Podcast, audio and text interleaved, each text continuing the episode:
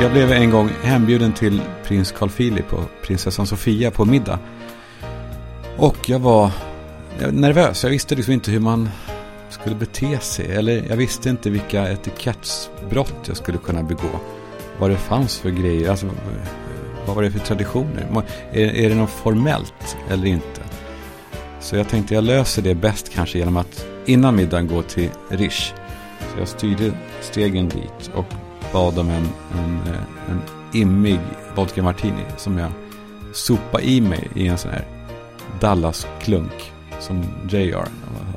Du vet när han drar den och, och sen bara... Åh, så, han grinar illa fast jag, jag grinade gott liksom. Och jag såg på klockan att ja, men fan, jag kommer nog hinna en till. Eh, som jag också då bälgade i mig innan taxin kom. Och när jag närmade mig deras hem så kände jag fuck, fuck me. Nu slog den alltså. Nu, nu sjöng det till i huvudet. kände wow, eh, okej, okay, skärpning då. Så först så eh, gick vi någon sorts husesyn. Och jag kände under hela tiden att jag måste, eh, jag måste lugna mig. Jag får inte visa kanske att jag kommer berusad. Men det var ju för deras skull ändå. Men, men eh, ofint kanske ändå. Och så satte vi oss till bords och eh, åt eh, abborre. Och under middagen så, så gick Carl Philip och hällde eh, salthögar på bordet. Alltså små, små berg av salt på olika ställen på bordet. Och ja, jag, jag tänkte att det här är väl någon, någon grej då som man gör. Som jag inte hade koll på. Trots min då oerhört goda uppfostran. Nej men jag tänkte, ja så gör man väl. Eh, en sorts, ja liksom rosa bergssalt. Så här Himalaya heter det säkert. Så eh, ja, jag tog för mig av det där saltet och, och saltade min fisk. Och det blev stel stämning runt bordet. Det blev konstiga blickar. Jag märkte det. Ni vet hur det är när man känner att man är... Man har inte riktigt koll liksom, på läpparna och sådär. Men man är, man är där inne. Och jag försökte tyda de här blickarna. Jag tittade på Carl Philip som tittade på mig. Och han tittade på Sofia. Och Sofia som fnissade till lite och frågade. Du Kalle, eh, vad, vad, vad håller du på med? Och jag sa, ja, vadå? Eh, med vadå menar du? Ja, men här, här är salt och så, och så visar hon saltkaret. Om det är salt du vill ha.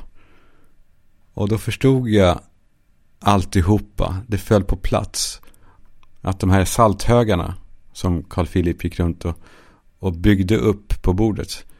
Det var inte salt till vår mat utan det var salt som han la på några vinfläckar. Saltet var inte alltså rosa egentligen, det blev rosa av vinet. Och där sitter då Kalle Schumann. och eh, ta bort de här högarna och hällde på sin mat. Som en eh, vilde. Det, ja, jag, eh, jag skrattade väl eh, åt mig själv också.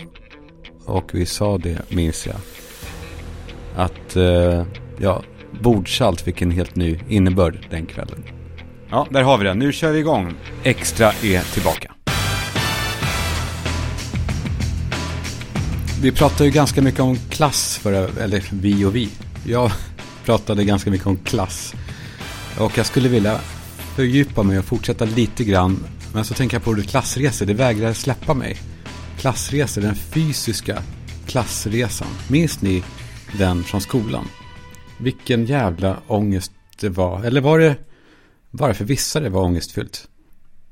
Klassen ska åka eh, till något jävla, jag vet inte. Man åker till, till skogen, till något hus som luktade typ sjö och mögel och bränt damm från elelementen som just har satts på där inne. Och det står sådana här koronspel i något träskåp. Minns ni koron? Det här biljard eh, får man säga fattigmansbiljard. Och Kalaha. Eh, och sånt där. Det är starka grejer där. Eh, hur som helst, jag minns särskilt en resa. Det måste kanske varit i femman eller något. Nej. det kan inte ha varit i femman, det måste ha varit senare. Eh, jag kommer in på varför. Eh, fan var det? Jo, så här var det. Att jag bajsade på mig lite grann på kvällen. Jag visste inte hur mycket det var. Så jag gick på toa för att liksom skadekontrollera. Eh, och det visade sig att det här var, det var värre än befarat. Det här gick inte att rädda. Det fanns liksom det gick inte att tvätta bort det där eller vaska av eller skrapa bort för den delen. Det var, det var blött och brunt och tungt liksom. Och jag hade inga andra kallingar med av eh, tradition då, antar jag. det, är min, det är min uppväxt, ja. Eh, att vi hade inte riktigt, eh, ja, inte så mycket ombyten. Ja, så vad kunde jag göra då? Ja, det var liksom bara att ja, slänga dem. Så jag pulade ner dem i papperskorgen och la liksom papper över och satte på mig byxorna och drog försiktigt upp gylfen. Eh, ja, sen senare på kvällen då hör jag att det är något som pågår där borta liksom. En bit bort. Utanför i skogen. Jag hör mellan tallarna hur det skriks här. Vems fan är det här? Men hallå, kolla här! Alla bara, de var skrek där borta. Jag fattade ju. Jag ville tro att jag förstod redan då. Jag tittade ut och ser att de går med mina kalsonger. Alltså, och som har satt fast dem på en lång kvist. Och liksom viftar den som att det var någon jävla flagga. Och de kom närmare och närmare. Och jag hörde snart hur de kom in liksom i farstun i det här huset där man, där man sov. Och så hörde jag hur tjejer kom fram. Elin bland annat, som jag ju var lite kär i. Hon kom fram och jag hörde hur hon kved av äckel för den där kalsongflaggan. Som var min. Det var liksom skrik blandat med skratt. Och jag hörde hur grabbarna liksom körde den där flaggan så här hotfullt mot varandras ansikten. De bara uh, uh, lägg av Robban, seriöst. Jag spyr, jag svär, jag spyr. Det var så man lät då, var det inte? Uh, uh, uh. Så lät killarna. Så jag fattade då, jag har inte längre möjligheten nu att springa till skogs. Som ju annars kan vara lösning att man bara drar. Eh, det är någonting som jag har sysslat med ganska mycket och förfinat till sin spets. Eh, för att eh, ja, de stod i vägen ute i hallen så jag var tvungen att springa förbi dem och då skulle de ju fatta. Det hade de kanske gjort ändå. Efter några timmar. Att jag drog i samband med flaggviftandet. Nej, jag var tvungen att ansluta. Inte erkänna såklart. Jag gick ut till dem och, och liksom deltog. Fy fan! Med samma röst så la jag till. Fy fan, vem fan är det där? Vad är det för vidrig unge? ja, fy fan. Klassresor. Man fick se sin lärare liksom civil. Det var speciellt. Minns ni den känslan? Man fick se hur han såg ut när han åt. Eller när han satt och blundade mot solen och var liksom sig själv. Eller när han såg liksom oduschad och, och morgonmosig ut. Och man fick träffa honom redan då. Man fick bli privat med honom. Det var helt det var hisnande va. Och de här grupperingarna i en klass blev ju aldrig tydligare än på klassresor va. De som veckor tidigare hade paxat vem de skulle sova i överslaf och underslaf med. Och, ja, vilka som hade en sån här sirapsflaska med saft i. Jag ville alltid ha en sån här sirapsflaska. Jag vet inte varför. Det kändes liksom fräscht. Det var, vissa barn hade det. Och den var liksom fräsch och ren. Och snyggt lock och härlig textur på flaskan. Och så såg man ju på sidan där hur mycket saft det var kvar. Vår sirap hemma, den tog aldrig någonsin slut. Alltså den, den var med från att jag var väldigt liten. Tills en dag, när jag fick nog av den här väntan, jag tänkte nu skiter jag Nu tömmer jag ut den här sirapen i vasken. Och så märkte jag att den var så gammal så att den hade typ kristalliserat sig. Den var helt svart. Jag försökte smälta innehållet under varmt vatten men det hände ingenting. Och sen satte jag på ugnen. Och då smälte flaskan. Och jag minns mammas rop när hon kom hem på kvällen. Vad fan har hänt med sirap en dag? Det är ju fan att inget får vara i fred. Hon smällde igen dörrarna och papperskorgarna och jag satt och hukade där uppe. För jag ville vara som de andra. Jag ville vara en sån som hade en sirapsflaska med vatten i. Eller en sån här termos som vissa barn hade. En termos som var gjord för barn. Det var inte så vanligt på den tiden. Eh, det var liksom en sån här superhjälte på och locket, eller utanpå locket var också en kopp. Och det var så jävla också fräscht. Men jag fick ta med mammas och pappas frukosttermos. Med svart intorkat kaffe runt hela skruvlocket. Och bojen smakade fränt av, av det här lutet som låg i botten och i hela öppningen. Och mamma sa att det, var, det är glas i den här, karl johan det är, det är glas här, så var försiktig. Det får absolut inte gå sönder. Det var väldigt noggrant. Så jag bar ju den här vuxen frukost, alltså hemmatermosen som en pokal. Så lärarna måste ju ha, ja, de måste ju ha känt något för mig. Jag inbillar mig att de, de måste ha känt något. Klassresor är fan outtömligt. Fingerpullandet då? Det glömmer man inte. Fy fan. Stackars tjejer. Alltså som blev utsatta för det här. För det var ju liksom inte tal om att mata hästen lite, lite snyggt. Utan där var det ju. Det var liksom pistolliknande händelser. Bara rätt in i skallen. In och ut och in. Ut. och sen, sen gick den lycklige killen runt och, och, och sträckte fram det här fingret. Så skulle man lukta på det och, och tjoa. Och man gjorde det.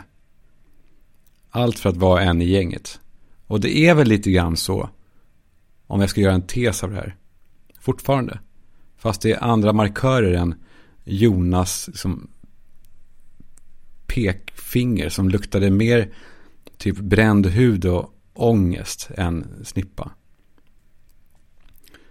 Men klass.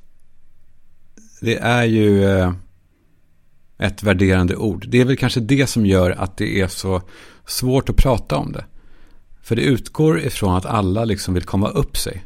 Bara det uttrycket komma upp sig, det är ju värderande. Att det handlar om att komma upp nerifrån. Det är också laddat politiskt ju. Och så mycket eh, hysch runt det. Fast man ju vet att överklassen och, inte underklassen då, men arbetarklassen. Både överklassen och arbetarklassen generas av sin tillhörighet. Och de vill helst inte prata om nackdelarna då för arbetarklassen eller fördelarna som överklassen har haft. De vill inte prata om det. De föraktar inte bara då kanske sig själva utan också den motsatta klassen. Så att det är alltså två klasser som föraktar sig själva och varandra. Och det är klart att det blir jävligt känsligt. Och svårt att prata öppet om det. Så kan man det då? Kan man försöka bli helt värderingsfri? Utan bara försöka konstatera saker? Jag tror man måste börja med att sluta använda ordet klass.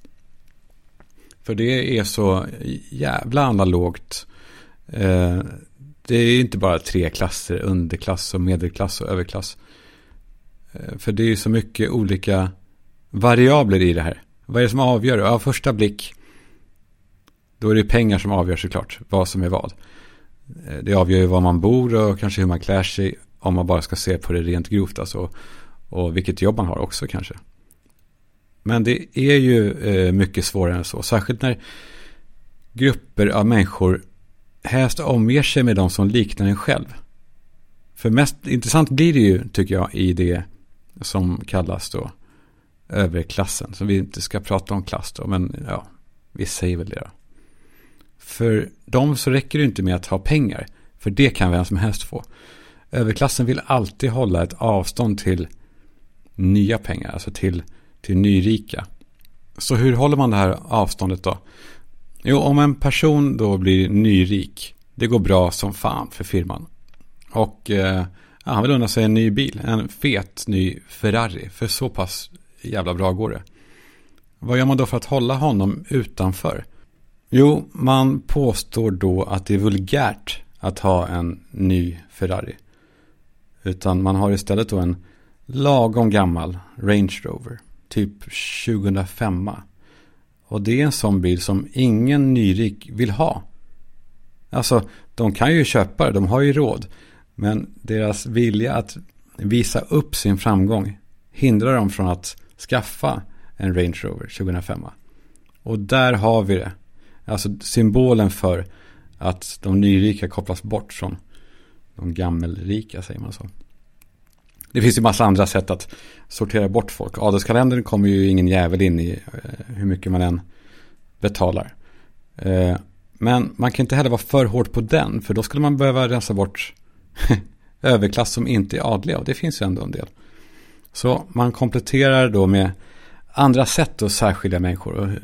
Ja, då, det är då man kommer in på de lite mjukare värdena, eh, huruvida man är då beläst såklart, och hur man beter sig. Och här kan ju ett ja, mer eller mindre tränat öga se så, så små tecken för att kunna börja sin sortering. Det här är en sortering som alla människor gör i alla klasser, alla dagar. Vi möter någon och så skapar vi en hel bild av vad det är för typ av människa. Baserat på kanske en sak som en trasig sko. Det säger mycket. Eller så lägger vi ihop en massa små delar för att kunna bygga en mer komplex, men sann kanske, bild av den här människan. Hur man tar i hand. Hur hårt håller man? Eh, blicken när man tar i hand. Eh, ögonbrynen, hur ser de ut? Hur, hur är hållningen? Hur ser skorna ut? Leenden, gester. De är lätta att se. Men svåra att härma tror jag. Hur mycket man än övar. Och det är här de här olika kapitalen kommer in och, och spelar. Eh, kapitalen i form av socialt och kulturellt och ekonomiskt. Och det slog mig att det förhåller sig med de här medfödda kapitalen som vi bokar direkt på .se. Ja, jag ska snart fortsätta utveckla om klasserna, men, men här kommer jag fint in på Boka Direkt. För Boka Direkt är lite samma sak som det här klassamhället. Alltså vissa av oss människor, vi har ju koll på Boka Direkt och vi går in där när vi ska boka en tid för massage eller klippning eller naglar. Det kommer liksom helt naturligt. Det är normalt för oss. Det är snabbt och enkelt, inga trassligheter. Men så finns det de som inte har koll på det. Och de är då som människor utan något sorts kapital. De, de ringer runt till salonger och slösar tid och de blir inte nöjda. De vet inte vad andra kunder tycker och de vet inte hur saker funkar. Och det är inte deras fel. Jag menar att det här är en klasskillnad som vi måste ta bort för alla människor. Ja, alla. Inte ingen, utan alla ska ha rätt att på smidigaste sätt boka en tid på vilken salong man vill. Och med Boka Direkt så har alla det. Boka Direkt får alltså inte vara en hemlighet. Sprid ordet om Boka Direkt. Demokratisera Sverige. Alla har gräddfil på bokadirekt.se. Ja, det är ju som sagt ett så ja, jäkla laddat ämne det här och ingen vågar riktigt prata om det utan att liksom röja sin egen härkomst som man är rädd ska skapa fördomar. Jag själv uppfostrades lite komplicerat, jag var inne på det förra veckan. Och jag fick lära mig många av de här detaljerna. Eh, men jag fick, tror jag, känslan att jag fick lära mig dem för att kunna strunta i dem. Det sa mamma någon gång att, ja, jag kunde vara en ja, men, så lät hon kanske inte, men hon sa att för att eh, eh, bryta mot regler så måste man kunna dem först. Eh, något sånt. Ja, det var något sånt. Eh, ja, jag vill komma in på det här uttrycket snobb. Som har ju väldigt mycket med det här att göra med att, ja, att man är uppnäst, nonchalant, krävande, ser sig själv som liksom för mer. Ursprunget till det ordet är kanske inte riktigt vad man tror. Ni kanske vet det, men för er som inte vet då. för att det är jävligt intressant. Det myntades på en engelsk internatskola. Jag skulle kunna ha googlat det, men jag vill inte framstå som någon eh, som är, som är överdriven. Jag tror att det kanske var på Eton. Och de allra flesta eleverna på Eton var unga adelsmän. Och för att märka ut de nyrika eleverna som hade kommit in utan att vara adliga, alltså de var bara rika. För att märka ut dem så skrev man på deras dörrar på internatskolan San noblesse, som betyder alltså utan adelskap. Eh, icke adlig, eh, kanske man ska säga. Då. Och det förkortades så småningom till S-nob, alltså san noblesse, S-nob, snobb.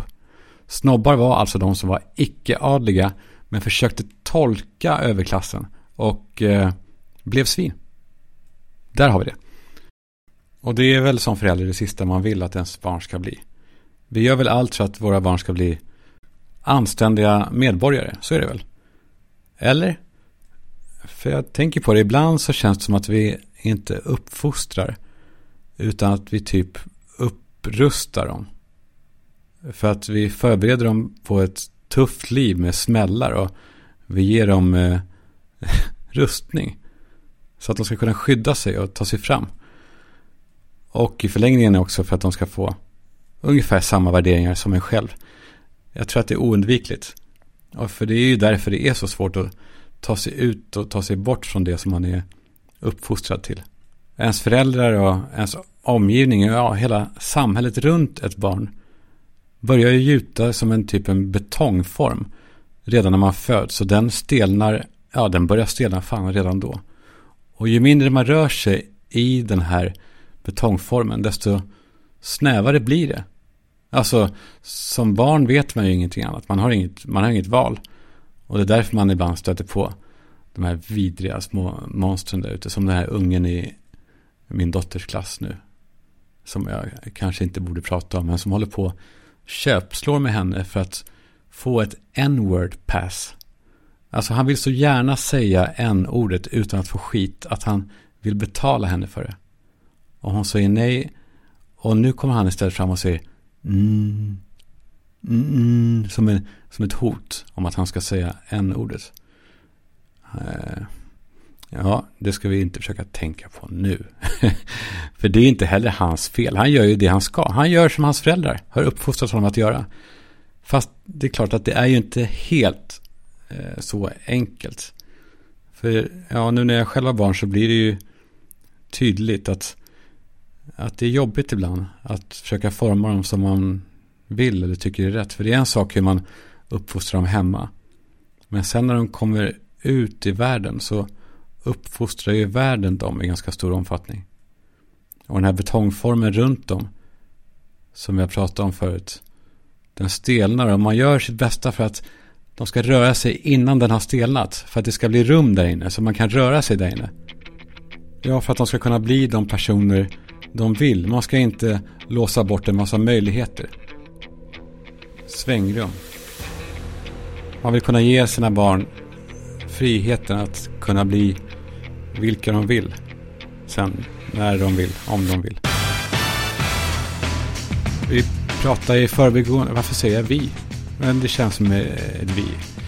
Vi pratade förra veckan om eh, undantagen från det här kletet. Eh, de människor som inte vill vara kvar i den här betongformen utan som bryter sig ut. Bourdieu kallade dem för de mirakulösa. Faktum är att min fästmö Sandra är en av dem. Hon är inte här i rummet nu och skulle protestera vilt om jag kallar henne för mirakulös. Eh, men jag tänker att det vore intressant att prata med henne för hon är en av dem. Hon är en av dem som har rört sig tvärs över och kanske kan ge oss, mig då, en inblick i eh, vilka hinder man står inför och vad är det man måste forcera för att komma fram dit man vill. Och varför man gör det. Och vad säger mamma och pappa? Nu sitter du här Sandra. Hej. Och är mirakulös. Tack. Eh, men håller du med om det själv? Att jag är mirakulös? Nej, men det är härligt. om jag får vara det. Eh, nej, men i alla fall baserat på hela din då, eh, bakgrund. Mm. Där du, så det är lätt att lägga värderingar i det. Vad som är att det är bra och dåligt och, och sådär. Låg och hög klass och så. Men du hade inga förutsättningar från uppväxten att eh, göra det du gjorde. Att eh, eh ja, till slut ta eh, massa fina examina på Handels och eh, högskolor här och där. Hur kommer det sig att du gjorde det? Mm. Ja, det kan man undra. Men jag kände för det. Det är väl det korta och enkla svaret. Det är som Ingmar Stenmark. Det är bara att plugga. Ja, men faktiskt. Det är ju det. Um, ja, jag vet. Men när man, precis, när man går till uppväxten, du blir uh, inte liksom uppfostrad till det. Nej, såklart inte. Um, men jag var heller inte intresserad av det när jag gick i grundskolan. Uh, så. För det fanns liksom inte i min värld. Jag tror jag var 21 när jag förstod att eller när jag första gången hörde om Handelshögskolan. Så att jag, det, liksom, det fanns inte med i mitt eh, consideration. Set. Men när du växte upp, eller så här, hela min tes, eller hela alla, det är inte min tes, det är ju en sanning bara. Att saker vill fortsätta som de är. Mm. Om man är född och uppvuxen, eh, eller född och uppväxt i alla fall, barndomen, i, en, en, eh, i ett samhälle, i en familj som har en viss typ av liv så är det med största sannolikhet så att man fortsätter det när man själv är vuxen. Mm. Men inte du. Det jag undrar bara, i, i den mån du kan vara en siffra i statistiken, varför sticker du ut från mängden? Ja, det kan man undra. Men jag tror att det är personlighetsdrag som jag har. Jag stack ju ut redan innan jag började plugga på Handels i och med att jag jobbade med det jag gjorde och bodde utomlands och att jag ens flyttade därifrån. Men i uppväxten premierades det att plugga eller att, eller att ens lyckas? Fördomen man har om Sverige och särskilt då kanske landet är så här, du, du ska fan inte tro att du är ett enda skit. Verkligen så fick man höra. Ja. Alltså Dö. ordagrant. så, ja, den meningen. Eh, nej, det premieras inte. Och eh, inte heller högskola, för det var inte ett... Ja, men det var inte ett alternativ eftersom ingen hade gått på högskola och man hade ingen kontakt med det. Så man, det var inte heller så att man drömde om det, för att det fanns inte. Jag drömde om helt andra saker och mina kompisar också. Ja, men sen gjorde du någonting åt det. Det gjorde inte de. gjorde någonting åt det. Ja, för att jag sen ville det. Men eh, jag hade ju inte... Jag gick ju inte natur på gymnasiet för att sen söka till Handelshögskolan. Utan jag gjorde ju det senare. Jag tror det är en stor skillnad. Det var Men- inte så att jag var 11 år, eh, läste att eh, Handelshögskolan finns och så gjorde jag allt för att komma in där. Utan det, eh, det blev ett steg senare i livet. Ja, för just Handelshögskolan är ju, är ju en ytterlighet. Det är ju en, eh, det är ju en högborg för folk med medfödda eh, fördelar. Mm. Och där, där de har alla de här kapitalen och du har väl du har, inget av dem kom du dit med. Inget kulturellt, inget eh, socialt och inget ekonomiskt. Egentligen inte, men jag hade ganska bra nätverk och så. Givet liksom, det jag jobbade med innan. Med styling och frisörandet och sådana grejer. Men egentligen inte för Handelshögskolan, nej. Nej, men kändes det orättvist då? nej. De, hade, de fick en lägenhet betald och du var tvungen att jobba kvällar och helger. Ja, men jag hade ju också min lägenhet. Som jag hade jobbat ihop till själv. Men jag vet inte, jag är inte den som tycker att saker är så orättvisa och gnäller för det.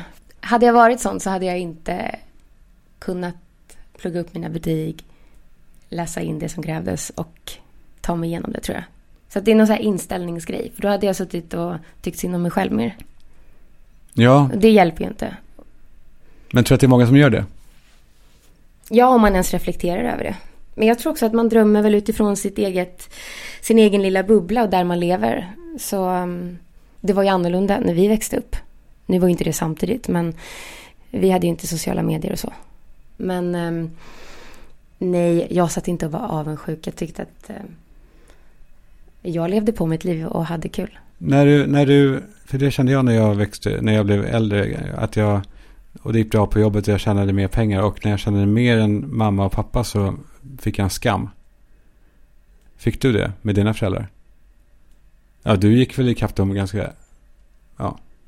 Du var ganska ung. Vet du, så tänker inte jag.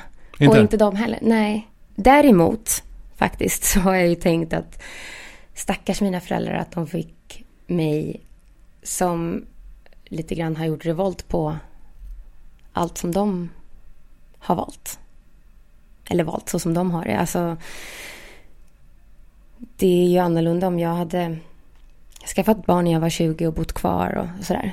Då hade jag ju varit mer ett exempel som bekräftade att det de gjorde var helt... Ja, du har indirekt sagt att ert liv vill jag inte ha. Ja, och det kan jag känna ibland att så här, åh, att det kanske är ganska störigt och jobbigt.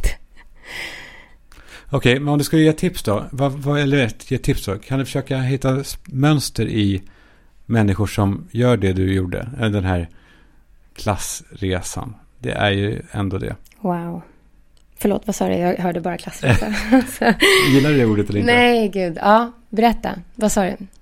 Jo, tror du att det finns gemensamma egenskaper hos människor som gör det här du har gjort? Säkert. Man är lite galen. Kanske. Undantag. Så hur kommer du uppfostra eh, dina barn? Att man får kämpa för saker. Oavsett hur förspänt de har det då. Så du, du ska inte göra dem till eh, dina eh, skolkamrater på Handels. Som inte kanske behövde kämpa i samma mån. Ja, men de fick väl kämpa, men de fick ganska mycket gratis. Nej, jag är faktiskt inte för det. Jag... Nej, det kommer jag inte. Eller, säger jag idag? Nej, alltså jag... Jag tror inte att man gynnas av det.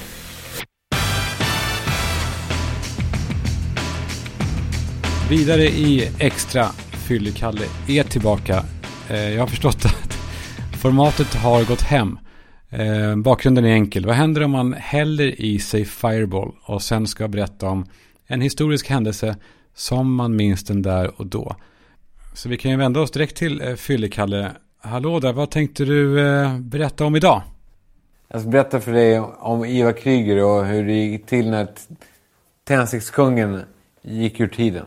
Swedish Match var nästan en framgångssaga från början till slut. Men 1920-talet så gick det inget bra längre. För att på 20-talet 20 gick det inget bra på USA-börsen.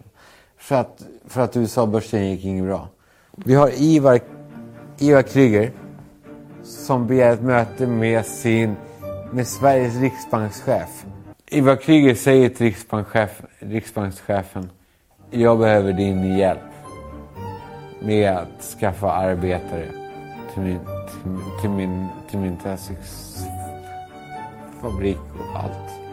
Och riksbankschefen säger Ingvar Kamprad. Eh. Nej, Kalle. Eh, Ivar Kryger. Och riksbankschefen säger Ivar Kryger. Svenska staten har gått igenom ditt företag. Och vi tycker inte att det håller klassen. Vi tycker inte att, att det håller nivån eh, som ett svenskt företag. Och Ivar Kryger säger att jag, behöver, jag kommer behöva hjälp. Och riksbankschefen säger då till Ivar Kryger. Nej, tack. Vi kommer inte hjälpa dig den här gången. För att vi har kollat, vi har, vi har, vi, vi har, vi har kollat upp ditt företag. Och vi har kollat upp att ditt företag är inte bra. Ivar Kryger blir arg på riksbankschefen. För att Ivar Kryger vet hur många svenskar som jobbar med tändstickorna. Vet du hur många svenskar som jobbar med tändstickorna? Vet du att det är tusen och tusen och tusentals som jobbar med svenska tändstickor? Vet du hur många som skulle gå i bankrutt om inte vi skulle jobba, om inte, om inte Sverige skulle ha tändstickor? Riksbankschefen säger så här. Vet du vad, Ivar Kryger? Fuck you. Och, och Ivar Kryger säger så här. Okej. Okay.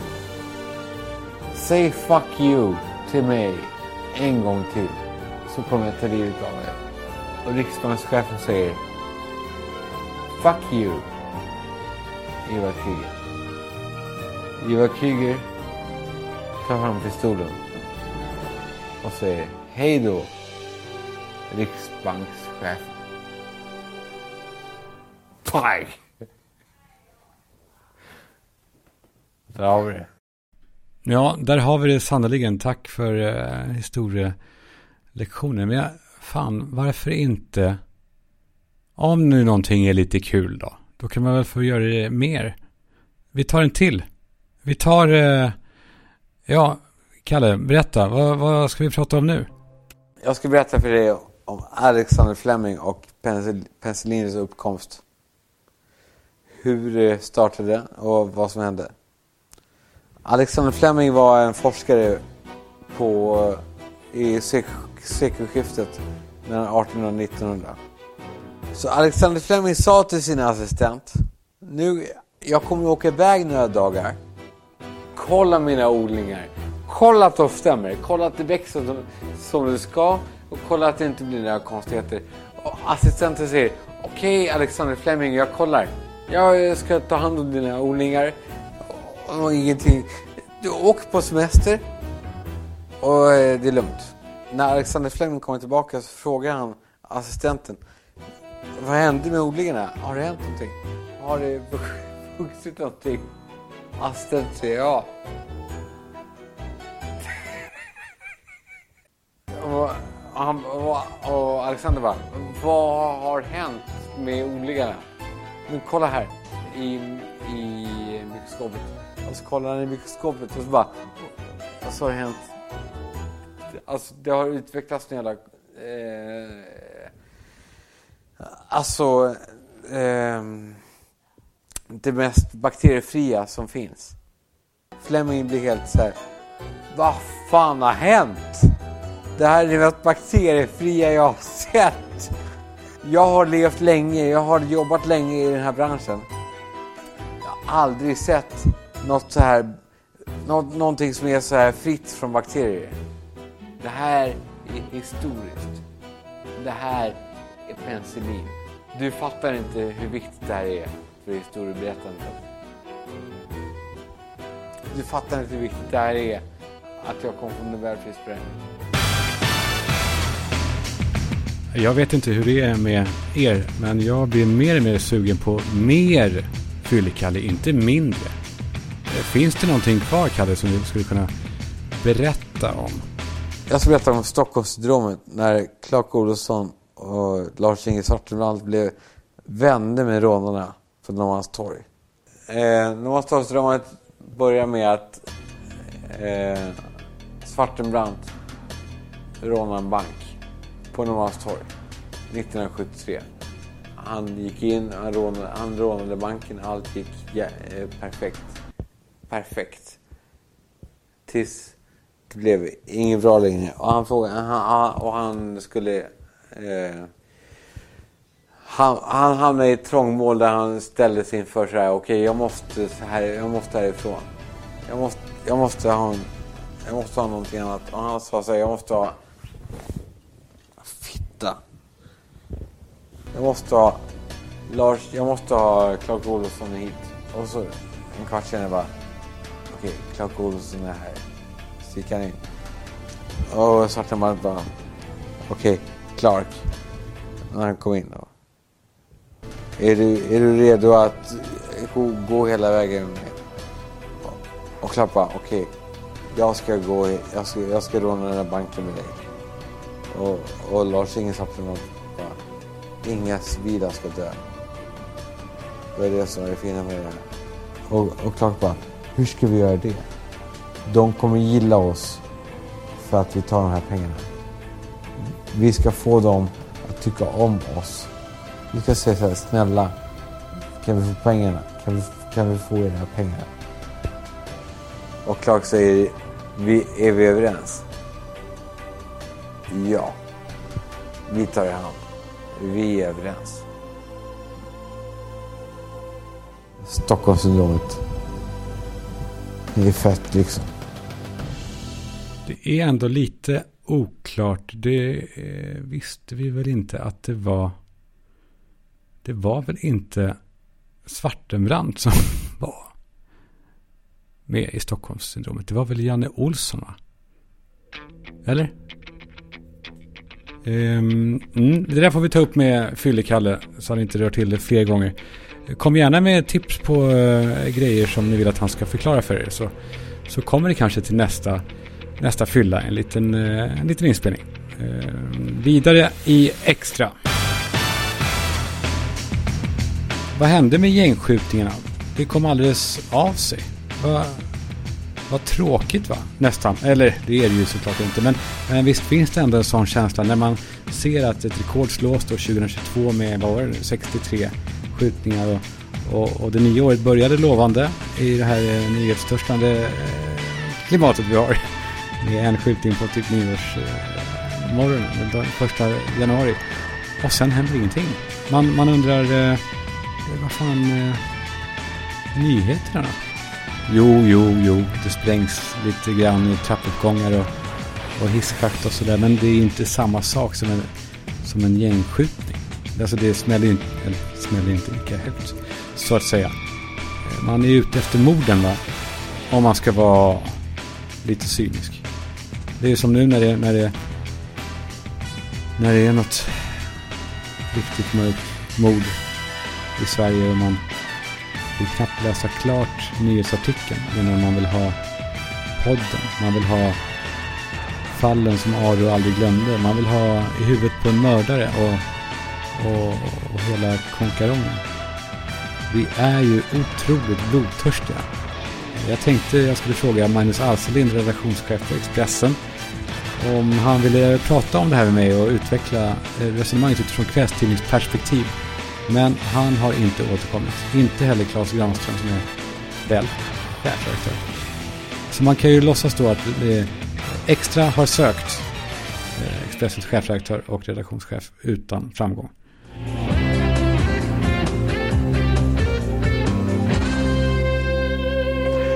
Det slår nästan aldrig fel. Nej, jag vet, men jag lyckades inte hitta någon ren version av vignetten. Den är lite muggig. Men jag tänker oss att vi tar tillbaka plus. Och eh, ja, ni får gärna höra av er om ni trillar över någon produkt eller någonting som faktiskt inte håller måttet. Jag har själv eh, gjort det den här veckan. Ja, jag pratar om en sten som heter guasha, guasha-sten. Eh, någonting sånt där. Eh, guasha-sten. Jag vet inte om ni känner till det. Om ni har TikTok så har ni säkert sett det. Eller om ni har en eh, flickvän eller fästmö. Eller en mamma kanske. Eller en syster. De tycker om att gnida sig i ansiktet med en särskild sorts sten. Ibland är de formade som en roller som man ska dra över huden och ibland är det som en liten, eh, som en liten skrapa med olika vinklar och ibland är det eh, som en liten sked som man ska trycka på olika ställen. Och det är, det är kanske, eh, är det rock bottom av dum konsumtion. Eh, den här guasha-stenen då som påstår sig ha eh, speciella egenskaper. Den ska bestå av rosenkvarts som jag googlade. En produkt som, som kostar en liten sten som man skrapar kostar 295 kronor. Och det står så här rosenkvarts. Står för milda positiva energier och kärlek. I det gamla Egypten var stenen även känd för sin påstådda förmåga att skjuta upp tecken på åldrande. Och det ska också bestå av jade. Eh, som enligt eh, återförsäljaren då står för balans. Och i guasha sägs stenen lugna och balansera huden. Och så säger vi, Gouacha-sten, ska man köpa en sten och, och skrapa sig i ansiktet för flera hundra kronor mitt i brinnande kristider när, när elräkningar skjuter i höjden och, och, och, och allt möjligt sån här skit. Va? Nej, vet du vad vi gör med eran jävla sten? Va? Vi kastar den i sopen. Ja, där är då eh, veckans plus eh, slut. Men kom eh, som sagt gärna med tips om det är någonting som ni vill rapportera. Någonting som inte håller måttet så kan jag ta upp det här och då kan vi bli, bli starka tillsammans. Eh, det vore väl kul. Det är väl dags att börja knyta ihop säcken, vika in hovarna för den här veckan. Så tuffar extra tåget på till nästa vecka där vi landar igen på Kungsgatan 9, Convendum. Onsdag eftermiddag. Nej, vad fan, det där var väl långsökt. Vi kan ju bara säga så här, hörni. Tack för att ni lyssnar. Jag uppskattar det verkligen oerhört. Jag uppskattar det ännu mer när ni hör av er och skriver vad ni tycker. Kanske, ja, ni får gärna säga, alltså, jag, de kallar mig lättkränkt. Men eh, konstruktiv feedback, det är det bästa jag vet. Jag vill att det här ska röra sig framåt. Eller åt sidan, inte bakåt gärna. Det ska röra sig framåt, inte bakåt. Ja, vi gör det här tillsammans, inte var det här för sig. Det här är, det här är det här är, det här är, det här är slut. Inte början. Hej! Sometimes you wanna go where everybody